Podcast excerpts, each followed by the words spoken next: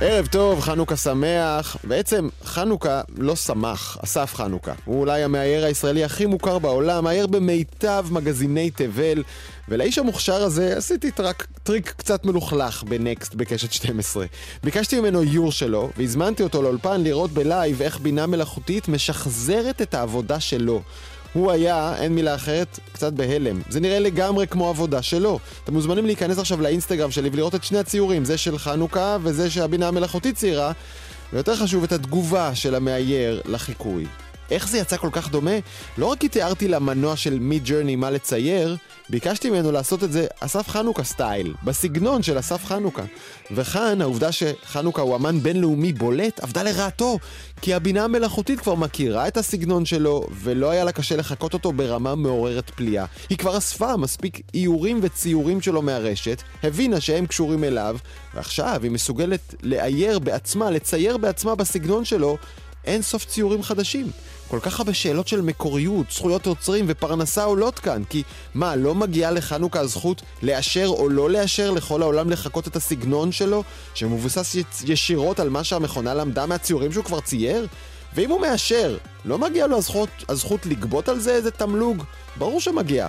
אומנים בעולם כבר נרתמו למלחמה בכוח הטכנולוגי החדש הזה, ולמלחמה באיום על הפרנסה שהוא מביא, והשאלה הזו משתכפלת ברגעים האלה לאין ספור מגזרים, לא רק מהעירים. בשנים הקרובות הבינה המלאכותית הולכת להשתולל עלינו, היא תשלח זרועות לאין ספור ענפי תעסוקה, תחולל בהם מהפכות טובות ורעות.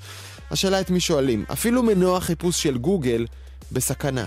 לזכותו של חנוכה ייאמר שהרבה יותר מעסיק אותו איך לרתום את המגה מחול הזה ליצירות הבאות שלו. איך הוא יכול להתפתח בעזרת הטכנולוגיה וליצור יותר ויותר מהר. וזה השיעור האמיתי שצריך ללמוד ממנו. כי יש שתי דרכים עיקריות להתמודד עם טכנולוגיות חדשות שפולשות לכם לטריטוריה. האחת, להפסיד בקרב, לוותר על משלח ידך, לחפש פרנסה חדשה. מוכרי הקרח, הם נאלצו לסגת מפני המקררים. הדרך השנייה היא לגלות גמישות, סקרנות ונכונות תמידית ללמוד ולהשתכלל ולחפש ללא הפסק איך אתם יכולים ללמוד את המכונה, לכבוש אותה, להשתמש בה לצורככם, כדי להפוך בעצמכם ליצרנים הרבה יותר יעילים לפני שאחרים יעשו את זה, או אפילו להפוך לבוסים של עצמכם. למה להיות צייר שמצייר ציור אחד ביום, כשאפשר להיות ארט דירקטור שמפקח על צבא של מכונות שמייצרות עבורו עשרה ציורים בשעה? העתיד עכשיו, מיד נדבר על הרכב המעופף, הרחפן המאויש הישראלי שהמריא השבוע בדרום הארץ. איזו מהפכה הוא יביא לתחבורה שלנו. נדבר גם על מכתב הייטקיסטים. האם הדרישות שלהם מהממשלה שאך זה כמה מוצדקות, ממה הם באמת חוששים, וכמובן, על אילון מאסק. איך אפשר בלי? העתיד עכשיו, אני דרור גלוברמן, מתחילים. כדור השלג הזה מתחיל לתפוס תאוצה. מה שכונה מכתב ההייטקיסטים הופך לאט לאט למכתב מנהלות ומנהלים בכירים במשק. והוא דורש מנתניהו לא לפגוע במעמד בית המשפט, פגיעה שעלולה להוביל לפגיעה במעמדה הבינלאומי של ישראל, לפגיעה בעסקים ובמשק הישראלי. בין המצטרפים האחרונים, צבי סטפאק, מייסד מיטב, יהודית ברוניצקי, מייסדת אורמת, וגלית בן שמחון, מייסדת ומנכ"לית פנטרה. הם הצטרפו לשלמה קרמר, ממייסדי צ'ק פוינט, אייל ולדמן, מייסד מלאנוקס, ולמשקיעים כמו חמי פרס, פנחס בוכריס ויודפת הראל בוכריס, כל אלה חתמו על המכתב הזה ושלחו אותו לפני שבוע איתנו, גלית בן שמחון מפנטרה, ערב טוב. ערב טוב. וסמי פרץ, פרשן בכיר בדה מרקר, הוא מגיש, החיים עצמם כאן בגלי צה"ל, ערב טוב סמי. ערב טוב דרור וערב טוב גלית. נתחיל איתך, גלית, הצטרפת עכשיו למכתב הזה, מה הדאגה בעצם? הדאגה היא פגיעה באמת אה, בדמוקרטיה שלנו, בערכים שלנו, בזכויות אדם.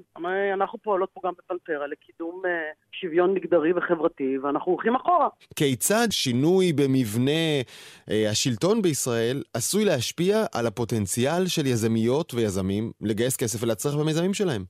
כבר היום קשה מאוד ליזמיות לגייס כסף, אנחנו יודעים את זה. בארצות הברית השקיעו רק 1.8% מההון ב-2020 אה, ביזמיות נשים. המצב גם ככה קשה, גם בארץ כמעט ולא אין השקעות בנשים, רוב ההשקעות הולכות לגברים, אתה גם רואה את זה. אני חושבת שהנושא של אה, שוויון מגדרי וקידום נשים בעסקים עלול להיפגע בממשלה שלא תפעל בכלל לקידום שוויון מגדרי. ואני צריכה להזכיר לכם שהכסף מגיע מחו"ל. בארץ אין כמעט כסף, רוב ההשקעות מגיעות מחו"ל. מה אכפת לאנשים בחו"ל שרוצים לראות תשואות על ההשקעות שלהם ממעמדו של בית המשפט העליון במדינת ישראל? אנחנו יודעים שההשקעות בחו"ל בעצם הן היום יותר ויותר מה שנקרא השקעות אימפקט. יותר ויותר משקיעים, יותר ויותר קרנות, מדברות על impact חברתי, וכשאנחנו לא נותנים להם את התחושה שיהיה פה באמת impact והכסף הזה ילך mm-hmm. כנראה לקבוצות אה, אה, שלא מקדמות שוויון חברתי ומגדרי וכל מה שנקרא diversity, אז הם יגידו, טוב, יש מקומות אחרים להעביר את הכסף לשם. הבנתי. פסמי אה, פרץ, אני רוצה, אני רוצה לפנות אליך. אני רוצה לפנות אליך. אה, כתבת בטורך בדה מרקר, אני מבין את הדאגה, אבל פחות את הטענה. תראי, אני קראתי את המכתב של ההייטקיסטים, אה, ברור לי שיש שם דאגה אמיתית. אה, למכתבים מהסוג הזה יש איזה כשל פנימי. ככל שחתומים עליהם יותר אנשים, ככה הניסוח שלהם הוא יותר אה, כללי. כל ההשקעות הזרות שזרמו לפה עד עכשיו, לטעמי, הסתכלו על מערכת המשפט הישראלית כמערכת עם הרבה מאוד עוצמה. אני מזכיר לך שהמערכת הזו העמידה לדין נשיא, וראש ממשלה, ורב ראשי, וטייקון ראשי, וראשי ערים, ושרים, כלומר הרבה מאוד שחקנים מאוד חזקים. אז אם מסתכלים על ההיסטוריה שלה, היא מאוד עוצמתית. אם מסתכלים על העתיד שלה, הרבה מאוד סימני שאלה. ולכן אני חושב שמכתב ההייטקיסטים בעיקר מביע דאגה מפני הבאות, מפני השינוי הזה, ובעיקר אה, לנוכח העובדה שהם אה, כן מהווים שגרירים של ישראל. הרי מה יש לישראל למכור? בעשור האחרון, בעיקר הייטק. נכון, אבל הדבר שאני מנסה להבין בעזרתך, סמי, האם מנקודת מבטו של משקיע זר, אה, קרן הון סיכון גדולה שיושבת בעמק הסיליקון, או אה, מנהל קרנות פנסיה של מורים, או אירופה, הם נכנסים לנבחי פסקת ההתגברות, או לעובדה שתוכניות התל"ן עברו לידיו של אבי מעוז, וזה ישפיע על כמה ישקיעו או לא ישקיעו בסטארט-אפ ישראלי? הם שואלים את עצמם, טכנולוגיה לא. טובה, רעיון טוב, צוות טוב, כמה כסף אני אקבל חזרה? לא, תראה, בדרך כלל משקיעים אה, זרים אה, מתעניינים בשני דברים. מתעניינים באמת באיזושהי יציבות, האם מדובר במדינה יציבה, ומתעניינים בהאם יש הגנה על זכויות uh, קניין. כלומר, אתה יודע שהם ישקיעו באיזה חברה ופתאום המדינה תלאים להם אותם, אז זה פשוט לא נראה להם. אבל פה אנחנו מדברים על משהו אחר, אנחנו מדברים על זה שישראל, באמצעות עולם ההייטק, משדרת לעולם שהיא מדינה אה, יציבה, דמוקרטית, יזמית, ליברלית, מתקדמת וכולי. פה אנחנו נכנסים לעידן שיש אה, סיבות טובות לחשוב שהוא יהיה עידן הרבה יותר חשוך מבחינת הזכויות נגיד למיעוטים, מבחינת אה, המתקפה על מערכת המשפט, מבחינת ערעור אה, מקומה של ישראל בדמוקרטיה הזו. אני לא יודע להגיד לך ש... שסעיף כזה או אחר שהמדינה תחוקק, לא יודע, פסקת התגברות וכולי, הוא זה שירחיק את המשקיעים הזרים, mm-hmm. אבל כן נראה לי שיצירת אווירה שישראל היא לא מה שהייתה עד עכשיו, היא יכולה באמת להרתיע. אני פונה לשניכם, ראינו כבר את ההשקעות בישראל נשארות יציבות במהלך uh, שני העשורים האחרונים, גם דרך מבצעים uh, צבאיים בעזה, גם כאלה שעוררו uh, מחלוקות, גם דרך מלחמת לבנון השנייה. יכול להיות שאנחנו מייחסים למשקיעים הזרים קצת נקודת מבט שהיא אולי שלנו? כשאתה מוכר תוכנה לשיפור, לא יודע מה, ניהול מלאי לחברה... אה, מי שקונה את זה לא מסתכל על זה, האם בעצם אה, זה מגיע ממדינה שיש בה כיבוש או יש בה זכויות אדם, הוא צריך את זה, וזה עולה לו מה שעולה לו, וזה משפר את העסקים שלו, אז הוא לא חושב יותר מדי. אבל שוב, אנחנו מדברים על איך ישראל נראית, איך היא ממותגת מחדש בעידן החדש הזה, וגם למיתוג יש משמעות. גלית. למיתוג יש מלא משמעות. קודם כל, זה הסיפור שאנחנו מספרים כרגע, הוא סיפור אחר ושונה. אנחנו סיפור על דמוקרטיה, אנחנו דיברנו על סיפור של אה, אה, ישראל הייתה נתפסת מבחינת זכויות, גם ללהט"בים אה, ולמיעוטים, נתפסה בעבר כבאמת מדינה מתקדמת, והיום יותר ויותר עם הקיצוניים שנמצאים בממשלה, עם הרצון שלהם להשתלט על כל מקום במדינה, התחושה היא שאנחנו לא אותה מדינה מתקדמת ונאורה, והתחושה היא שבאמת אה, הכסף שלנו, לשים כסף במדינה כזאת שנשלטת על ידי קיצוניים, זה לא כל כך, אה, זה לא רק, זה לא רק מיתוג, זה סיפור אמיתי.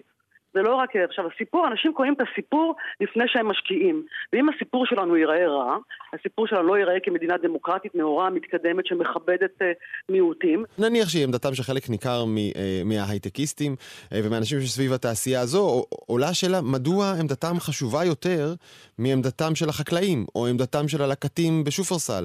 אה, יש הרבה מגזרים בארץ. אוקיי, אז, אז זה מה שהייטקיסטים חושבים, אחרים יחשבו אחרת. זה, זה אותו פתק בקלפי, בדיוק כמו שיצביע חקלאי, או לא יודע מה, או קופאי בשופרסל. אבל האנשים האלה, תשים לב, הם אנשים שפועלים בכלכלה גלובלית. הייטק הוא... מגרש המשחקים שלו זה כלכלה גלובלית, משקיעים זרים, אה, חברות זרות, פעילויות זרות, אה, חלק גדול מהייצוא הישראלי, 54% מהייצוא הישראלי זה הייטק. אה, ולכן מדובר בשחקנים שהם בינלאומיים, הם גלובליים, הם לא שחקנים מקומיים. המדינה מתקיימת על הכסף של ההייטק, על הכלכלה של ההייטק. בלי הכסף הזה אין זכות קיום לכלכלה ואין זכות, ל- ואין יכולת אפילו לממן את כל הדרישות של החרדים. זה נורא פשוט. ולכן כל הזמן האיזון הזה, מאזן האימה הזה, אה, לשמור על ההייטק כדי שיהיה מי שישלם מיסים ובסופו של דבר יממן את כל הסחטנות הפוליטית הזאת, כרגע הוא התערער בצורה חד משמעית. ואני לא חושבת ש... אה, זאת אומרת, זה נראה לכם כאילו זה לא ישפיע, אני אומרת לכם שזה ישפיע, כי אני כבר רואה את זה. גלית, גלית, ברצינות, בואי נהיה קונקרטיים. האם ראית פעם על איזשהו מכתב סירוב ממשקיע זר את, ה... את המילים אה, לאור הדרישות הקואליציוניות של החרדים ושינוי מעמדו של בית המשפט, לא, אנחנו החלטנו להשקיע בסטארט-אפ לא- בפינלנד? אף אחד לא יגיד לך את זה, זה לא פוליטיקלי קורקט, אף אחד לא יגיד לך דברים כאלה, אתה מבין את זה. אז איך יודעים? אתה יודע את זה, אה, אף אחד לא יגיד דבר כזה באופן חד משמעי, ואתה רואה את האווירה, אתה יכול להגיד במקום טוב. גלית, אנחנו לא נכחיש, אני מניח, אה, שמכל החותמים על המכתב הזה, גם אם נהפוך עם פינצטה, לא נמצא מצביע ימין. אה, אני חושבת שאתה צודק. ואין מה לעשות, האישי הוא פוליטי וההפך. סמי, האם ראש הממשלה נתניהו צריך להיות מודאג? אה, אני חושב שכן, כי תראה, אנחנו מדברים כבר כמה שנים על כך שיש בישראל שתי כלכלות נפרדות. יש את כלכלת ההייטק והייצוא וכל המוצרים המתקדמים, ויש את הכלכלה האחרת, הכלכלה המקומית. יש עם זה הרבה מאוד בעיות, עוד הרבה לפני המכתב ההייטקיסטים. אתה יודע, כל הגידול בפערים והתרבויות השונות וכולי.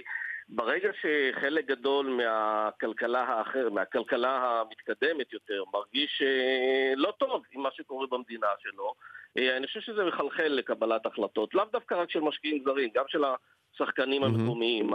הרצון שלהם לשתף פעולה עם אה, כל מיני אפילו משימות מקומיות, שבהם אתה רואה שממשלה מובילה לכיוון אחד, אה, גם אם תביא הרבה מאוד כסף, אתה לא תשקיע את הכסף הפרטי שלך בלהוביל לכיוון שני.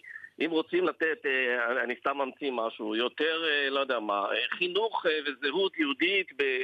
ב, אתה יודע, בקפסולות לא של 100 גרם, אלא של 300 גרם, אה, יכול להיות שחלק מהייטקיסטים יגידו, אני לא רוצה, אני רוצה דווקא לחזק פה גם את החברה האחרת, שאיננה יהודית ושיש לה, ושיש לה אתגרים משל עצמה. הבידול... זה לא רק זכויות של ערבים סמי, זה גם להט"בים וזה גם נשים. ברור, ברור. אני אומר שהפיצול הזה בין שתי כלכלות, יכול להיות כן. שהוא עומד לעלות קומה עכשיו, ולעלות קומה למקומות אה, אה, יותר מסובכים ממה שראינו עד עכשיו. כן. ולא רק פערים כלכליים, זה פערים תרבותיים, פוליטיים, חברתיים, מכל העבר אתה תראה את הפערים האלה. ומצד שני, המכתב בהחלט אה, פונה לנתניהו בתור מי שמבין את השיקולים האלה ואמור להיות אמון על הדמוקרטיה, או על הכלכלה, ועל הכלכלה הישראלית, בניגוד לכל שאר חבריו לקואליציה. אומרים לו, תשמע, אתה המבוגר האחראי של הממשלה הזו. אתה זה שמבין את התהליכים האלה. נכון שאתה, הם לא אומרים לו את זה, אבל נכון שהשותפים שלך לוקחים אותך למקומות יותר קיצוניים וסוחטים אותך, אבל אתה זה שמבין את, ה, את החשיבות של ההייטק, חשיבות של יחסי סחר, החשיבות של, אה, mm-hmm. של מעמדה של ישראל בהיבטים האלה, המתקדמים. הרי הרבה פעמים ישראל צריכה להגן על עצמה על דברים שהיא עושה פה, נגיד ביחסים מול הפלסטינים, אז אה, הם אומרים, טוב, אנחנו מדינה מתקדמת, אנחנו מדינה שיש בה יזמות, שיש בה אה, כן. טכנולוגיה מאוד, חשוב, מאוד טובה ומאוד חשובה. אז, אה, אז העניין הזה שיש לך הרבה מה למכור כדי לאזן על המקומות שבהם אתה נראה פחות טוב, גם הוא עומד פה בסימן שאלה, mm-hmm. זה הדבר שאמור להטריד את נתניהו. אני אצטט ברשותכם את מייקל אייזנברג, אחד מבכירי משקיעי ההון סיכון בישראל, ומזוהה כאיש ימין, אה, שלא חתם על מכתב, וכתב, אני יודע ששנים, וללא קשר לזהות הממשלה, אזרחים ערבים נהרגים ברחובות, ילדים מפחדים ללכת לגן, מחשש לכדור טועה, ואף אחד לא מדבר. שורפים לחקלאי ישראל את המתבנים ואת השטח, ואף הייטקיסט לא קם לעזרתם. מעורבות ציבורית של אנשי הייטק הייתה מאוד עוזרת גם כאן. כלומר, אפשר גם להסתכל על עוד שיקולים בכלכלה הישראלית ולהגיד, נחמד שעכשיו התעוררתם, אבל אתם לא המגזר היחיד בשטח. לא חסרים פה אתגרים שההייטקיסטים יכולים להתגייס לטובתם עוד לפני אה, השאלה איזה ממשלה יש פה, אה, נגיד האלימות בחברה הערבית. אני לא יודע אם זה התפקיד של חברות הייטק, אבל אני אומר, יש פה אין ספור אתגרים מקומיים שבהם עד עכשיו לא שמענו את זה, אז אפשר לבקר את אנשי ההייטק, אבל אפשר גם לברך על זה שהם מתחילים להתעורר. גלית בן שמחון, סמי פרץ. היי. תודה רבה לשניכם. תודה רבה. מי שהזדמן השבוע לשדה תימן שליד חצרים שבדרום, בטח שפשף את עיניו בתדהמה. רחפן גדול שמיועד לנסיעת שני בני אדם, המריא מהקרקע והסתובב לו קצת באוויר. זהו, זה רשמי? מכוניות התחילו לעופף? כן, בדיוק, כן. רני פלאוט, מנכ"ל ומייסד שותף של אר, מה בניתם? בעצם בנינו בדיוק כמו שאמרת, אה, בנינו רחפן גדול מאוד שמבוסס על פטנט שנרשם על ידי חן רוזן, המייסד של החברה. זה רחפן במשקל של אה, טון המאה, כולל האנשים.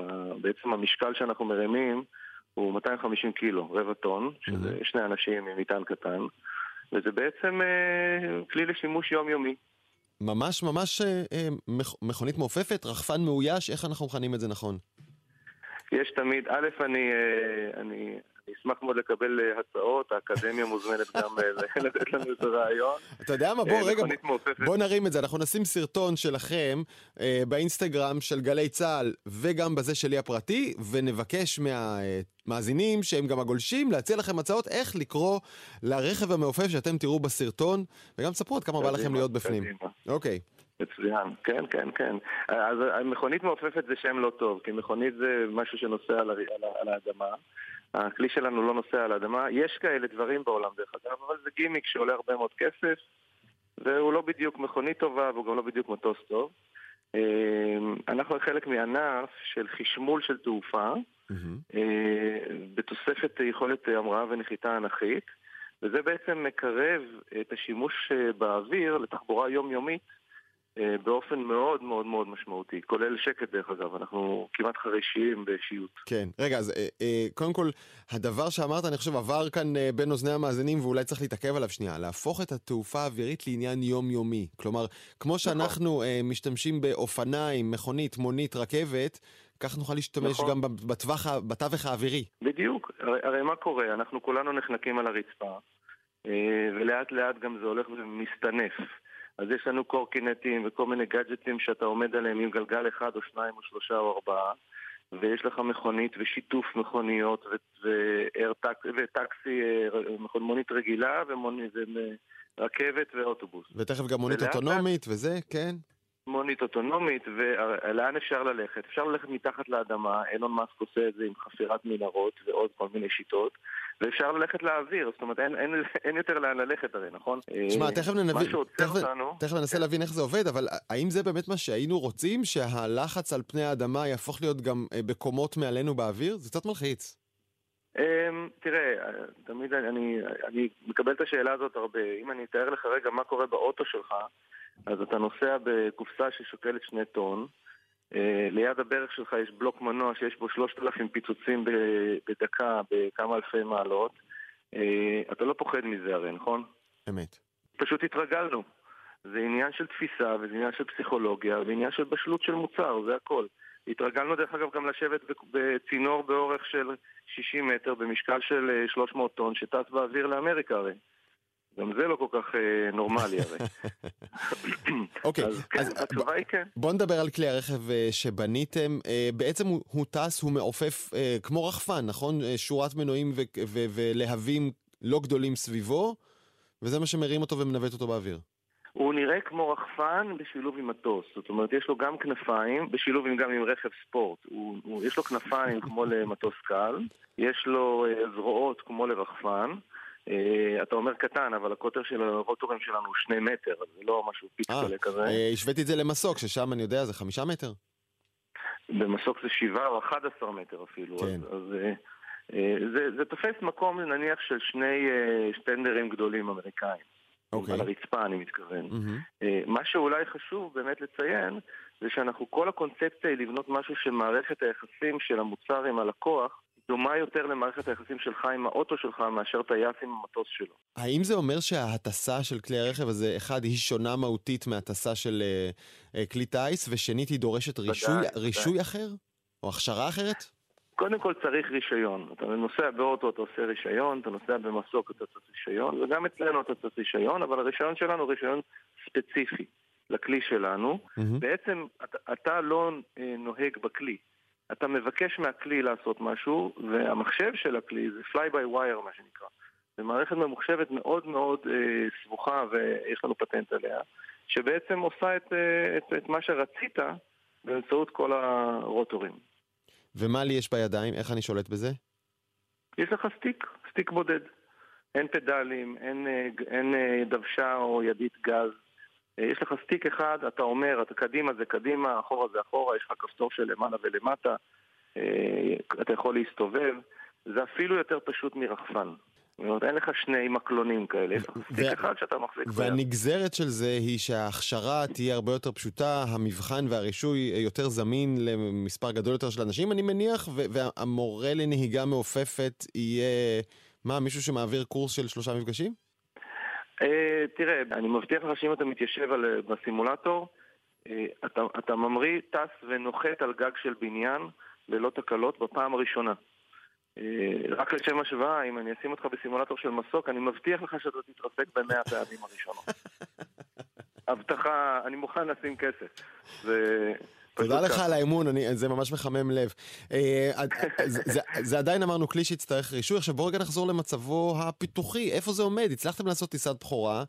אה, כמה כן. זמן מפריד בין הרישוי הסופי של כלי הטיס הזה, או כלומר עוד כמה זמן יעבור עד שתקבלו אישור סופי, ואני אוכל לבוא לבצע את ה-20 שעות האלה? אז קודם כל התשובה היא שנתיים. אנחנו נמצאים היום, יש לנו כלי במשקל וגודל מלא שטס. זה כלי שנראה מאוד מאוד קרוב למוצר הסופי. Mm-hmm. אנחנו עכשיו בוחרים את הספקים שלנו, אה, למה שנקרא ל-supply chain, שיהיו הוונדורים שיבנו לנו את כל הרכיבים הסופיים ל mass production. אה, אנחנו עוברים לארה"ב במהלך שנה הקרובה, ובעצם בשנת 24 נעשה את טיסות הניסוי האחרונות, נקבל רישוי ונתחיל למסור כלים. אנחנו מכרנו מעל 270 כלים כבר. כבר מכרתם? כמה עולה כלי? Uh, המחיר הבסיסי הוא 150 אלף דולר, uh, המחיר הסופי כנראה יהיה יותר קרוב ל-200. אוקיי, okay. גלגלי uh, מגנזיום וכאלה. Uh, דבר איתי רגע על, על, על, על טווחים ועלויות לנסיעה, טיסה. Uh, הטווח, הטווח שלנו, מהרגע שאתה ממריא, יש לך בערך שעה של שיוט. Mm-hmm. Uh, זה איפשהו בין 100 קילומטר ל-150 קילומטר הכי ארוך שיש. זאת אומרת, אם אתה רזה וארוך לטובתך, אתה תטוס 150 קילומטר. אם אתה לוקח את uh, חבר שלך וגם את המנגל וכל מה שאתה רוצה בשביל הפיקניק, אז זה ייגמר בפחות, באיפשהו סביב ה-80 קילומטר. אמ, לא זוכר מה שאלת עוד. לא, זה יהיה נהדר. בוא'נה אחי, אתה כזה שמן, אנחנו חייבים לנחות. אה, נכון. מתוך השיחות שהוקלטו בתוך אה, תא הטייס שלכם, כמה תעלה מעלות לטיסה כזו? אמ, א', אנחנו עדיין מחשבים את זה, אבל זה, זה הרבה פחות מ-100 דולר, אה, איפשהו סביב כמה עשרות דולרים. לשם השוואה, אם אתה טס במסוק, אז זה כמה מאות דולרים. כן, וזה כמובן חשמלי, חשמלי לחלוטין, אתה אומר בתוך שעה אפשר להגיע, אפשר להגיע ל-80 כן. עד 150 קילומטר, תלוי במשקל הנסיעה. Mm-hmm. ואולי השאלה האחרונה שצריך להתמקד עליה רגע היא, היא עצם הצורך להטיס את, ה, את הכלי הזה, משום שתקד אותי אם אני טועה, יש בעולם עשרות רבות של סטארט-אפים, חלקם ישראלים, שמפתחים כלי רכב מעופפים מכל מיני סוגים, mm-hmm. וחלק גדול מהכלים האלה דווקא פונה לאזור האוטונומי, כלומר לאפשר לכל אחד להיכנס, להכניס כתובת, enter, והמחשב הוא זה שיחליט אה, איך, מה יהיה מסלול הטיסה וגם יטיס אותך, ואז אתה לא צריך שום רישיון. כן. אז אצלנו יש הרבה מאוד פונקציות אוטומטיות, זאת אומרת מקטעים שלמים מהטיסה יכולו להתבצע אה, ללא מגע יד אדם. אה, אני לא מאמין באזור האוטונומי הזה, אני חושב שנפש האדם לא כל כך אוהבת לשבת בתוך משהו קטן שמכונה אה, מפעילה. אה, אפילו במכוניות דרך אגב, זו תחושה מאוד מוזרה ולא נעימה, וזה לא שאין אנשים שירצו לעשות את זה, אני חושב שיש הרבה יותר אנשים שירצו לנהוג בזה. כן, אבל אתה יודע, אה, אמרת גם קודם, יש דברים שצריך להתרגל אליהם, והתרגלנו לנסוע ברכבת, לנסוע בשאטל, גם במטוס אתה לא שולט. אה, אני חושב שזה במטוס גדול, אבל אתה נוסע בתוך, זה כמו רכבת. שלא, אתה, שלא אתה שולט בה, מישהו אחר. אתה יודע, השאלה נכון, היא בעצם נכון. רגולטורית. האם הרגולטור בכל מיני מקומות בעולם לא יעדיף מלכתחילה להפקיד את התווך האווירי הזה בידי מחשב ולא בידי בני אדם? אני חושב שאנחנו, תראה, רואים את זה במכוניות, מדברים על זה כבר, uh, כבר כמעט 20 שנה על רכב אוטונומי. Mm-hmm. יש אלמנטים אוטונומיים בסגמנטים מסוימים של הנהיגה. אין לך רכב אוטונומי שהוא אוטונומי לחלוטין ועושה את כל מה שבן אדם עושה. דרך אגב, כי זה מאוד מאוד קשה. הרגולטור רוצה להיות בטוח שהוא נתן את המשכות למישהו שהוא מכיר ויודע. עכשיו, זה לא שאנשים הם מושלמים, אבל כרגע זה זה מי שעושה את העבודה. אה, ולהעביר את זה למישהו אחר, קרי מכונה, אתה רוצה לדעת שהשתפרת בהרבה, וכרגע זה לא המצב. אני, אני חושב שאנחנו עשרות שנים מאוטונומיה. עשרות שנים, וואו. אה, טוב, אני חייב עוד שאלה אחרונה. את האמת, כבר הטסת את זה? פשוט. כבר הטסת את זה? אה, האמת היא שאנחנו מתים לשבת בזה, אבל אסור לנו. אה, רגולטורית, כדי להתקדם מהר, אנחנו, אנחנו מתחילים בלא מאויש, מה שנקרא. כדי לשים בן אדם, הרף הרגולטורי הוא הרבה יותר גבוה. מאיך שאתה בונה את זה אפילו. אבל רני, רני, אה, רגע, בחיים האמיתיים, הרי, הרי אתה בונה את זה, אתה המנכ"ל של החברה, זה יושב אצלך במוסך, כן. אתה יודע איך זה נבנה, אתה בטוח שזה, שזה בטוח. אתה משדל אותי לדבר עבירה. אני משדל אותך אני להודות, בבוקר- להודות באמת. האם כבר ישבת בפנים והרמת את עצמך כזה? קטנה, קטנה, לא, שני לא, לא, מטר, ארבעה מטר. אסור. אסור, ואני יכול להגיד לך שכולנו, זו שיחה שחוזרת על עצמה שלוש פעמים ביום. שלוש פעמים ביום, אנחנו כולנו junkies של, אה, של תעופה ומרוצים ו- ודברים שזזים מהר ומדליק, אה, אבל אנחנו חייבים לשמור על הכללים, אחרת פשוט אה, יחדלו אותנו. אבל אם, בוא נגיד ככה, אם הייתי יכול רגע לעבור לאפריקה, וזה, אני, אני, אני שלשום בבוקר הייתי, לא רק אני, דרך כל החברה. היינו יושבים בזה, ולא רק מרימים קצת את האף, אלא עולים למעלה. בקיצור, אסור לך להודות ברדיו שאתה יושב בפנים, אני מבין אותך, רני, אף- אף אחד לא. יסכן את הרישיון שלו. אה, ויציב. רני פלאוט, מנכ"ל ומייסד שותף של אר, הרחפן המאויש הישראלי. אני מזכיר שוב, הוא מחכה לכם עכשיו, הווידאו שלו מרחף אה, באינסטגרם של גלי צה"ל ושלי הפרטי, עם השאלה, מה הקטגוריה של הכלי רכב הזה? איך קוראים לו? אוטו מעופף? רחפן מאויש, אה, גם האקדמיה ללשון עברית מוזמנת להתערב. רני פלאוט, תודה בוא ובהצלחה. ניתן עוד challenge אחד כן? של מילה אחת, לא שתי מילים, מילה אחת. מילה אחת. אוח, עכשיו סיבכת אותנו. תודה רבה, ערב טוב. תודה, תודה, ביי ביי.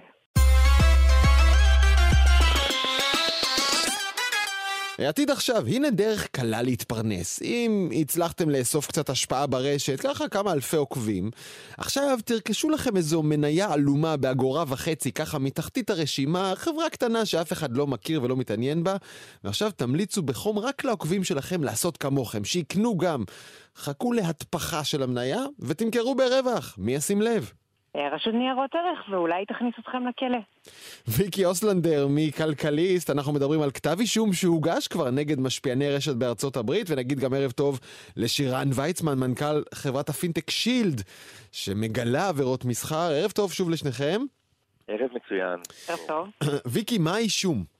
אה, האישום שבעצם אה, חברו, שמונת המופלאים האלו, אה, הונו כשני מיליון עוקבים שהם טיפחו במשך תקופה ארוכה ברשתות החברתיות. שכנעו אותם לקנות מניות שלא שוות שום דבר, הבטיחו להם שהמניות האלה, החברות האלה עומדות בפני פריצה גדולה, ברקע קנו את המניות במחירים נמוכים, וכשהציבור עוקבים שלהם התחיל לקנות, לפמפם את המניה למעלה, הם בעצם מכרו את הכל, מה, שאומרים, מה שקוראים לזה דאמפ, ובמשך בערך שנתיים הם הצליחו לגרוף ככה רווח של אה, מעל 100 מיליון דולר. וואו. אז זה כסף גדול ממניות קטנות, אה, אבל אני חייב לשאול אה, קצת בהיתממות, מה בעצם אסור כאן? מותר להם לקנות מניות, מותר להם לספר לעוקבים שלהם שהם קנו את המניות הללו, ומותר להם למכור אותם מתי שבא להם.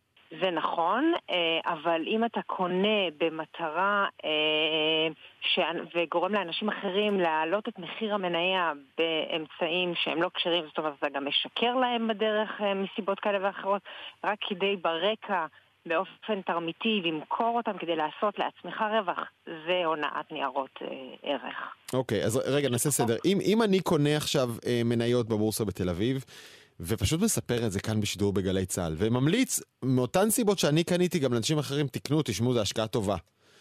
אה, ייתכן שאני אצליח ככה לעורר איזשהו שינוי, אנשים אולי יקנו, יאמינו לי, יקנו, ו- ו- ואני אוכל למכור ברווח? זו עבירה? אה, כן, אם הציפייה שלך היא שאנשים יקנו כדי שהמחיר יעלה, אם אתה עושה את זה ביודעין, כדי שאחר כך אתה תמכור את, את המניות שלך, כן, זאת הונאה. אה, אבל השאלה איך תוכיח שעשיתי את זה ביודעין בשביל לרמות מישהו. אני באמת מאמין שזה טוב, אני באמת סיפרתי לכולם, וכשזה עלה, מכרתי. אז אה, למזלנו, ברשות ניירות הערך אה, האמריקאית עשו את העבודה שלהם, וגם הקליטו אותם מדברים ביניהם איך הם אה, בעצם מבצעים הונאה. אנחנו נמכור את המניות אה, למטומטמים האלו ונעשה מלא כסף. איזה טיפשים כולם. אז חבל מאוד. כרגיל, בסוף, בסוף נופלים על פטפטת יתר. ואני רוצה לשאול אותך, שירן, עם תרבות המשפיענים האדירה, יש הרי אין ספור משפיענים בכל מדינה בעולם, בכל רשת חברתית. האמת שהייתי מצפה שמיליונים יעשו את זה ממש בכל רגע ואף אחד לא ישים לב. האמת היא שמיליונים לדעתי כן עושים את זה כרגע. אנחנו קצת שוכחים שלפני אה, כמה חודשים, עם התפרצות הקורונה, היה, היה את כל תופעת הממסטוקס המפורסמת, ומשפיענים אה, ברשתות חברתיות שנקראות רדיט ו, אה, ודומיהם, קנו עשרות מניות דרך אפליקציות רובינוד למיניהם, שזה בדיוק היה אותו דבר. היה פה תהליכים של שיתוף פעולה על מנת להשפיע על מניה. וזה בדיוק מה שקרה. עכשיו, אני, רשות לניירות ערך האמריקאית, ה-SEC והרשויות האחרות, כן שמו לב לזה. הן עדיין לא יודעות איך להתמודד עם זה.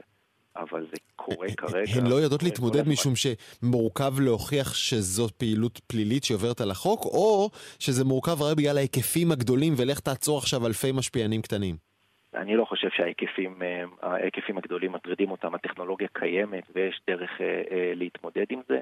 יש פה מורכבות אה, יותר גדולה, כן? זה מדובר פה על רשתות חברתיות שמשפיעות ומפיצות יותר מהשפעה על, אה, אה, על שוק ההון. משפיעות על, על החדשות, פייק ניוז למיניהם וכאלה דברים. Mm-hmm. ו... ויש פה אלמנטים של פרטיות, ואף אחד לא רוצה להיות כזה שמנטר את, ה... את הרשתות החברתיות כ... כאילו אנחנו איזושהי מדינה לא דמוקרטית כלשהי באסיה. ולכן יש פה מורכבות, שאותה לדעתי הרשויות האמריקאיות תודה להם באמת, לנסות לפצח. עוד מילה איתך, ויקי, בעניין של המשפיענים, אה, בעצם כל עולם. אה, לקנות בהשפעת אה, דמויות שאני עוקב אחריהן או מעריץ אותן מהרשת, התפתח כבר מזמן, באמת לכל עולם הצרכנות, אנשים קונים בגדים, תמרוקים, מוצרי אוכל, אולי גם נדל"ן. אה, בעקבות איזה מישהו שהם עוקבים אחריו אה, אה, והמליץ. מניות זה פשוט עוד מוצר צריכה בהיבט הזה. נכון, באיזשהו מובן אתה צודק. בשנים האחרונות, עם ממש העלייה של הרשתות החברתיות, אז התפתחה התרבות הזאת, היא תרבות של משפיעני רשת, שהיא תרבות שקשורה לאנשים שהם הם לא סליברטאים במובן שהם אין להם איזשהו הון ציבורי מוכר, כמו הם לא שחקנים או זמרים או משהו כזה. את רוצה להגיד אין להם כישרון ספציפי? זה, זה מה שהתכוונת להגיד? לא, יש להם כישרון, יש להם כישרון למשוך uh, תשומת לב, להשיג תשומת לב, לייצר תוכן שמעניין קהלים גדולים, mm-hmm. יש להם כישרון מאוד מאוד ספציפי וחדש. Uh, ומפרסמים הבינו באיזשהו שלב שהכישרון הזה uh, יכול להשיג להם גישה לאנשים אמיתיים, שזה משהו שמאוד קשה להבחין הרבה פעמים uh, באינטרנט בשביל מפרסמים. שהמודעה שלך, המוצר שלך, מה שזה לא יהיה, אתה באמת מצליח לחשוף אותו לאנשים ולא לכל מיני בוטים שמקליקים לך על המודעה רק כדי לייצר רווחים אה, ו... או לעוות את תעבורת האינטרנט. כלומר, כלי. רגע, מה את אומרת? שעולם המשפיענים שכולנו מכירים אותו, כל אחד מהנגזרת שמעניינת אותו, עולם המשפיענים הזה התפתח, נופח במידה רבה בעזרת תקציבי פרסום של חברות שמשלמות למשפיענים האלה, כי הן מעדיפות אותם על פני לקנות סתם הודעה או באנר באיזה רשת. בהרבה מאוד מהמקרים הן מעדיפות אותם בגלל שברור להם שמהצד השני יש אנשים, קהלים אמיתיים שצורכים את התכנים האלה ונכנסים באמת אה, לתכנים שלהם. ועכשיו הבן אדם האמיתי הזה, בעזרת כסף ששולם לו מכל מיני מפרסמים, אה, הפך להיות כבר אימפריית מדיה בעצמו, עם אלפי ולפעמים מיליוני עוקבים. וזו בעצם שיטה לנצל את הפופולריות הזו שלך כבר בלי קשר לשום מפרסם, אלא בעצמך להגיד, אוקיי, יש פה מיליון אנשים, אני שולח אותם לקנות איזה מניית אגורה, היא תעלה לאגורה וחצי, והנה הרווחתי 50 אחוז. נכון, זה פחות או יותר מה שקרה. שירן, אה, מה בעצם החברה שלך עושה? אז אה, שילד מסייעת לארגונים פיננסיים, בנקים וארגונים פיננסיים שונים לאתר הונאות והתנהגויות לא אתיות של העובדים שלהם על ידי איסוף, ניתוח והבנה של כל התקשורות האלקטרוניות שלהם. כלומר, אתה, סליחה על המילה, מצוטט למייל ולסלק ולכל מקום שבו העובדים מדברים, כדי לזהות ברגע שהעובד אה, מפר כללים? כן, לצוטט זה כזה מילה שהיא קצת... אה, מישהו שיושב מהצד ועושה משהו לא בסדר. אבל זו האמת, לא? אנחנו, אנחנו פועלים אה, לאור הרגולציה, אז הרגולציה על הבנקים דורשת מהם לבצע את הניטור הזה. ודורשת מהם לשמור לצרכים של תיעוד, לצרכים של איתור הונאות, ודורש מהם לעשות את זה בצורה מאוד יעילה. ואנחנו עוזרים להם בטכנולוגיות נורא נורא מתקדמות. אגב, אם הטכנולוגיה שלכם הייתה מותקנת בבנק למסחר לפני שני עשורים, הייתם עולים על אה, אתי אלון קודם? חד משמעית. האם הטכנולוגיה הזו שימושית גם במקרה שעליו אנחנו מדברים עכשיו? לא מדובר בעובדים שגונבים את החברה שבה הם, אה, ממנה הם מתפרנסים, אלא במשפיענים שיושבים ביוטיוב, יושבים ברדיט, יושבים בכל מיני רשתות חברתיות ומתדלקים הייפ סביב איזה מניה שיש להם שם אינטרס. זה אירוע מורכב כי צריך להחליט, הרגולטור צריך להחליט מה הוא עושה. כרגע הוא נוקט בצורה של הרתעה. בסדר? הוא מאתר, את, ה, מאתר את, ה, את אלה שהוא כן הצליח לאתר, ומנסה על בסיס קנסות מאוד גדולים לייצר הרתעה. בהמשך הדרך הוא יצטרך להחליט מה הוא עושה, האם הוא מגביר את הרגולציה על, אה, על הבנקים או על חברות הפינטק שמאפשרות את המסחר האלה לריטל אינבסטור, האם הוא מנטר את הרשתות החברתיות האלה, האם הוא דורש מהרשתות החברתיות להיות רגולטור, יש פה המון אה, אה, אלמנטים שהם נורא נורא מורכבים. וצריך להגיד, אה, יש כאן גם המון המון אזור אפור. תראו, גם אילון מאסק לפעמים מספר במה הוא קנה ומה הוא השקיע כדי לתדלק או לעודד אנשים ללכת בעקבותיו. והאמת שגם המון גורמים בשוק ההון, סוחרים, אנליסטים, מפרסמים המלצות. יש רשתות חברתיות שלמות שמוקדשות רק למעקב אחרי מה מישהו אחר קנה. אתה יכול לקנות גם את מה שהוא קנה. קצת נכון, קשה לשים אבל... פה את הגבול ולהגיד זה חוקי, זה לא. אז, אז קודם כל, הרשתות החברתיות ש, שאתה מזכיר, שהן dedicated לדבר הזה, הן regulated, והן כנראה נוקטות בכל האמצעי הרגולציה שאנחנו מתארים או שאנחנו מספקים. ב', אילון מאסק כדוגמה, אני מזכיר שב-2018 הוא שילם קנס של 20 מיליון דולר לרגולטור האמריקאי, בגלל טוויט שבו הוא אה, הצהיר על כוונתו להפוך את טסלה לפרטית. וזה הוגדר כהונאת משקיעים. ולא אמרנו עוד מה הוא עשה, מה הוא עשה עם ביטקוין ודודג' קוין, שגם שם כן. תדלק, נכנס, יצא, אין לדעת. אה, כן, מה שמעורר, ויקי, קצת מחשבות נוגות לגבי מהי בכלל הבורסה ומה שווה עם המחירים שאנחנו רואים שם, אם נוסף לכל ההטיות שכבר נמצאות שם בערכי המסחר, אין לדעת מה בדיוק ההשפעה של איזה רוח חברתית, אה, נכון? איזה סופת לייקים שהשתוללה באיזשהו מקום שאתה בכלל לא מודע לו. זה נכון, אבל גם צריך לשים דברים בפרופורציות, בגלל שההונאות האלה הן עתיקות כמו שהבורסות עתיקות, ונעשו הרבה לפני כן, והרבה פעמים הם גם נעשו על ידי אה, אנשי שוק הון. אז uh, כמו שהזכירו כאן לפניי את הממסטוקס, uh, זה דברים שקרו גם קודם, אבל uh, עכשיו פתאום קצת הציבור הרחב עושה אותם. אז אולי יש בזה משהו קצת מצחיק, אבל uh, הדברים האלה הם, הם, הם מוכרים, יודעים אותם, יודעים איך לזהות אותם, יודעים איך להרתיע אותם. Uh, רק מה שחשוב נורא זה לשמור על הציבור שידע לא להאמין לכל אדם שמצטלם ממש יפה ליד פרארי. זו הדרך, זו הדרך לשכנע אנשים להצטלם ליד פרארי. מאוד מנחם, את אומרת, אם למיידוף מותר ללכת לכלא, גם למה לא לכמה משפיעני uh, יוטיוב. אה, אני אומר לך בינתיים תודה שרן ויצמן, מנכ"ל חברת uh, שילד. Uh, ערב טוב, וויקי, תשארי רגע איתנו בשביל באמת להרחיב עוד טיפה על אילון מאסק, כי בכל זאת, uh, כמה שננסה להימנע מלדבר עליו כי נמאס, הוא פשוט ממשיך לייצר כותרות בקצב ובכמות ובגודל שאי אפשר להתעלם מהן. נכון, האיש בלתי נלאה. נמאס לך כבר לדבר עליו או שזה עדיין מעניין? הוא מאוד מאוד מעניין, אה, וקצת נמאס, אבל הוא מאוד מעניין. טוב, אז רק נסכם לטובת אה, מאזיננו שכבר בטח הלכו לאיבוד מרוב כותרות, ובצדק, שבשבוע החולף אילון מאסק שאל את עוקביו, ויש 122 מיליון כאלה, האם הוא צריך להתפטר מתפקידו כמנכ"ל טוויטר, ו-57% וחצי אמרו לו כן, תתפטר. אז אה, ויקי, הוא מתפטר? יש מחליף? עדיין אין מחליף. בואו נראה מה יקרה. נראה לי שהוא לא כל כך אוהב את העבודה הזאת. אה, נראה לי שהוא חיפש מחליף מהיום הראשון שהוא נכנס לתפקיד, אבל זה רק הערכות. תגידי, אם הוא כל כך לא אוהב את העבודה הזאת, אז למה הוא יושב על הטוויטר של עצמו ומדבר על זה בלי סוף? נראה לי כיף לו לאללה. אני חושבת שיש בו אלמנט שהוא קצת, אה, לא נעים להגיד, אבל הוא קצת נהנה להיות טרול, כן? הוא נהנה להציק לאנשים שממש סובלים מהנוכחות שלו, ויש לו מספיק כסף כדי לשלם על התחביב הזה, אז הוא עושה את זה. ואולי זו הסיבה שהוא כתב, אה, שהוא כתב כמה ימים אחרי זה, אה, עוד לא מצאתי את האידיוט שיסכים להחליף אותי. הוא צודק, בשביל להיכנס להיות העובד של אילון מאסק, גם אם אתה מנכ"ל טוויטר, נראה לי צריך להיות קצת אה, אידיוט או מזוכיסט. מזוכיסט, בהחלט, נראה לי מזוכיסט מאוד גדול, כן. קשה נראה לי מאוד להיות עובדים שלו.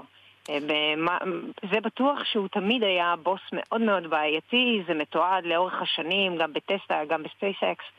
בוס לא כל כך בוא נקרא לזה בוס רעיל אפילו. בוס רעיל. תראי, ראינו עכשיו בימים האחרונים שהוא באופן סדרתי חושף חומרים מביכים על ההתנהלות הפנימית בטוויטר מטרום תקופתו, הולך אחורה ומפשפש במיילים ושולף אותם החוצה, נותן אותם לפרסום. אה, חומרים שלכאורה מרשיעים את טוויטר בבייס, בהטייה פוליטית לטובת השמאל ונגד הימין, בכל מיני צמתים אה, מכריעים.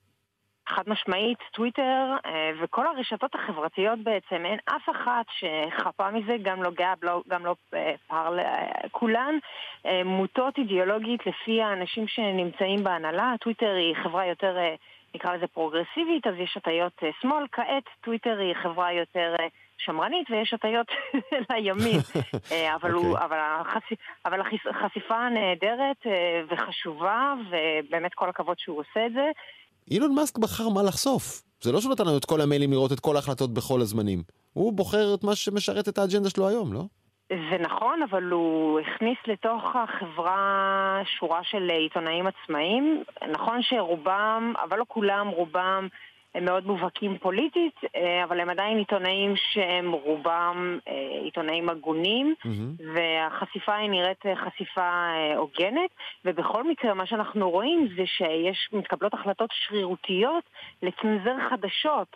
שזה קטסטרופלי, וכמה אפשר לעשות מניפולציה עם התכתבויות פנימיות שמראות את, את העובדה שהדבר הזה סונן בגלל אזהרות של ה-FBI, כל מיני דברים לא רלוונטיים, לא תחת כללי המדיניות הברורים של אה, החברה. אז האם בעינייך התגלו סוף סוף ראיות, ראיות אה, מוצקות לטענות החוזרות של הימין האמריקאי, שאומר כבר שנים, חברות המדיה, טוויטר, פייסבוק וכולי, מפלות אותנו לרעה, מצמצמות את הקול שלנו יחסית לדמוקרטים? אני חושבת שזה כבר uh, מתיחת uh, המציאות. יש אירועים ספציפיים שברור שמתרחש פה משהו לא תקין. עכשיו שמגיע אילון מאסק ועושה מזה המון רעש, זה שם זרקור חדש על הנושא, וזה נושא חשוב. זה לא הפסיק להיות קודם, וזה לא הפסיק להיות עכשיו. השאלה היא האם אדם שחורט על דגלו את חופש הביטוי, אה, הוא, הוא קורא לעצמו אבסולוטיסט של חופש ביטוי, אנחנו רואים לאורך הימים האחרונים אינסוף החלטות שרירותיות בדיוק שלו עצמו. אותו נהל שהוא חושף, באותו סגנון, אפילו יותר. לא, הוא, הוא צנזר את החשבון שעקב אחרי תנועות מטוסים באוויר ו- ואחרי תנועות המטוסים שלו, חסם עיתונאים שדיווחו על זה, חוסם כישורים לרשתות חברתיות חיצוניות. מה, זה, זה לא פחות שרירותי? זה יותר שרירותי כי זה מתקבל על ידי בן אדם אחד. אה, ההתנהגות שלו היא התנהגות אה, מלאת סתירות ולעיתים אפילו מגיעה לרמת הצביעות. הוא לא יותר טוב מההנהלה הקודמת, הוא גרוע באותה מידה אם לא יותר, רק מהצד השני. אה, אז נסכם, ויקי, אה, טוויטר, אה, שכבר קודם נוהלה באופן שנראה עתה כבעייתי, עדיין מנוהלת באופן בעייתי, ואולי אפשר רק לקוות שיהיה מי שייכנס לשם ויחלץ אותה מהמעמד הזה, למרות שהוא עצמו יצטרך לסבול הרבה מאוד ממי שמעליו, אילון מאסק. כן, אל תעצרו את הנשימה שלכם. ויקי אוסלדר, כלכליסט, תודה רבה, ערב טוב. ערב טוב. ולפני סיום, אנחנו עם רמי שני, כתבנו בדרום ומגיש הפודקאסט מה שקורה מחר. שלום רמי. ערב טוב דרור וחג אה, אורים שמח לך ולמאזינות, למאזינים. אתה בטוח יודע שהעברת גללים כדי להפוך אותם לחום היא פעולה שמוכרת אלפי שנים. כן, האמת שלימדתי את הילדות שלי שאם אתם, אתן בשטח וצריכות להדליק מדורה ואין עצים, אז אה, קקי של פרות יבש זה רעיון טוב. לא, עכשיו הולכים על הקקי של, של האנשים עצמם. אז uh, כדי לעשות את זה צריך ליצור אמצעים לאגור את הפסולת הזאת, כלומר את הצואה, מיד בצאתם לאוויר העולם uh, הפתוח או לאוויר האסלה. אפשר להתייחס לרעיון הזה בהרבה צחוקייה, אבל יש מי שלוקח את העניין ברצינות, כמו למשל פרופסור עמית גוס מהמכונים לחקר המדבר של אוניברסיטת בן גוריון שנמצאים בשדה בוקר. התוכנית שלו היא להקים מערך חימום של הפרש, כלומר של הצואה האנושית, כדי להפוך אותו לפחם. בואו נשמע. ברגע שאנחנו מחממים את הצואה. כן. לסדר גודל של 200 מעלות, ואז בעצם אנחנו מחקים את תהליך הפיחום הטבעי. לחץ וטמפרטורה, לאורך זמן של דקות, ובעצם מים משנים את התכונות הכימיות שלהם בצורה כזאת שהם מתקיפים את החומר האורגני והופכים אותו למשהו שהוא דמוי פחם. כלומר, במקום להתייחס לזה כמו, אה, אה, אתה יודע, ביוב שצריך לפנות מהבית, זה בעצם מקור אנרגיה לחמם אותו? זה נכון. עכשיו, אם אתה אה, נזכר לפתע באותה סצנה של הילד שיוצא מתחת אה, לשירותים בסרט ההודי, נער החידות ממומביי... סצנה נוראית. זה משהו דומה אבל יותר משוכלל. מה שעושים, תראה, זה חוסך במים בסופו של דבר, כי אתה לא, לא צריך מים במיכל ההדחה. כל הפסולת יורדת למין סיר לחץ. לא, לא מבשלים בו חמין, אבל אפשר לחמם אותו לרמה של 200 מעלות, ואז הוא הופך לפחם.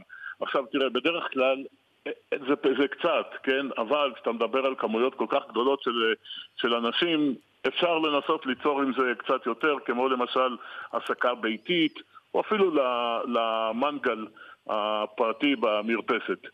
וואו.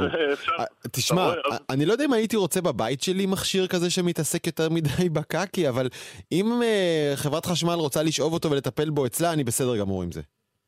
כן, בטח, בשביל זה אנחנו משלמים להם הרי עכשיו. תראה, בדירות, בוא נגיד בדירות בבתי מגורים, זה הרי לא יהיה אצלך מתחת לרצפה, אלא למטה איפשהו אה, בחדרי המכונות. אני לא ערב לריחות. ואם אתה גר ב...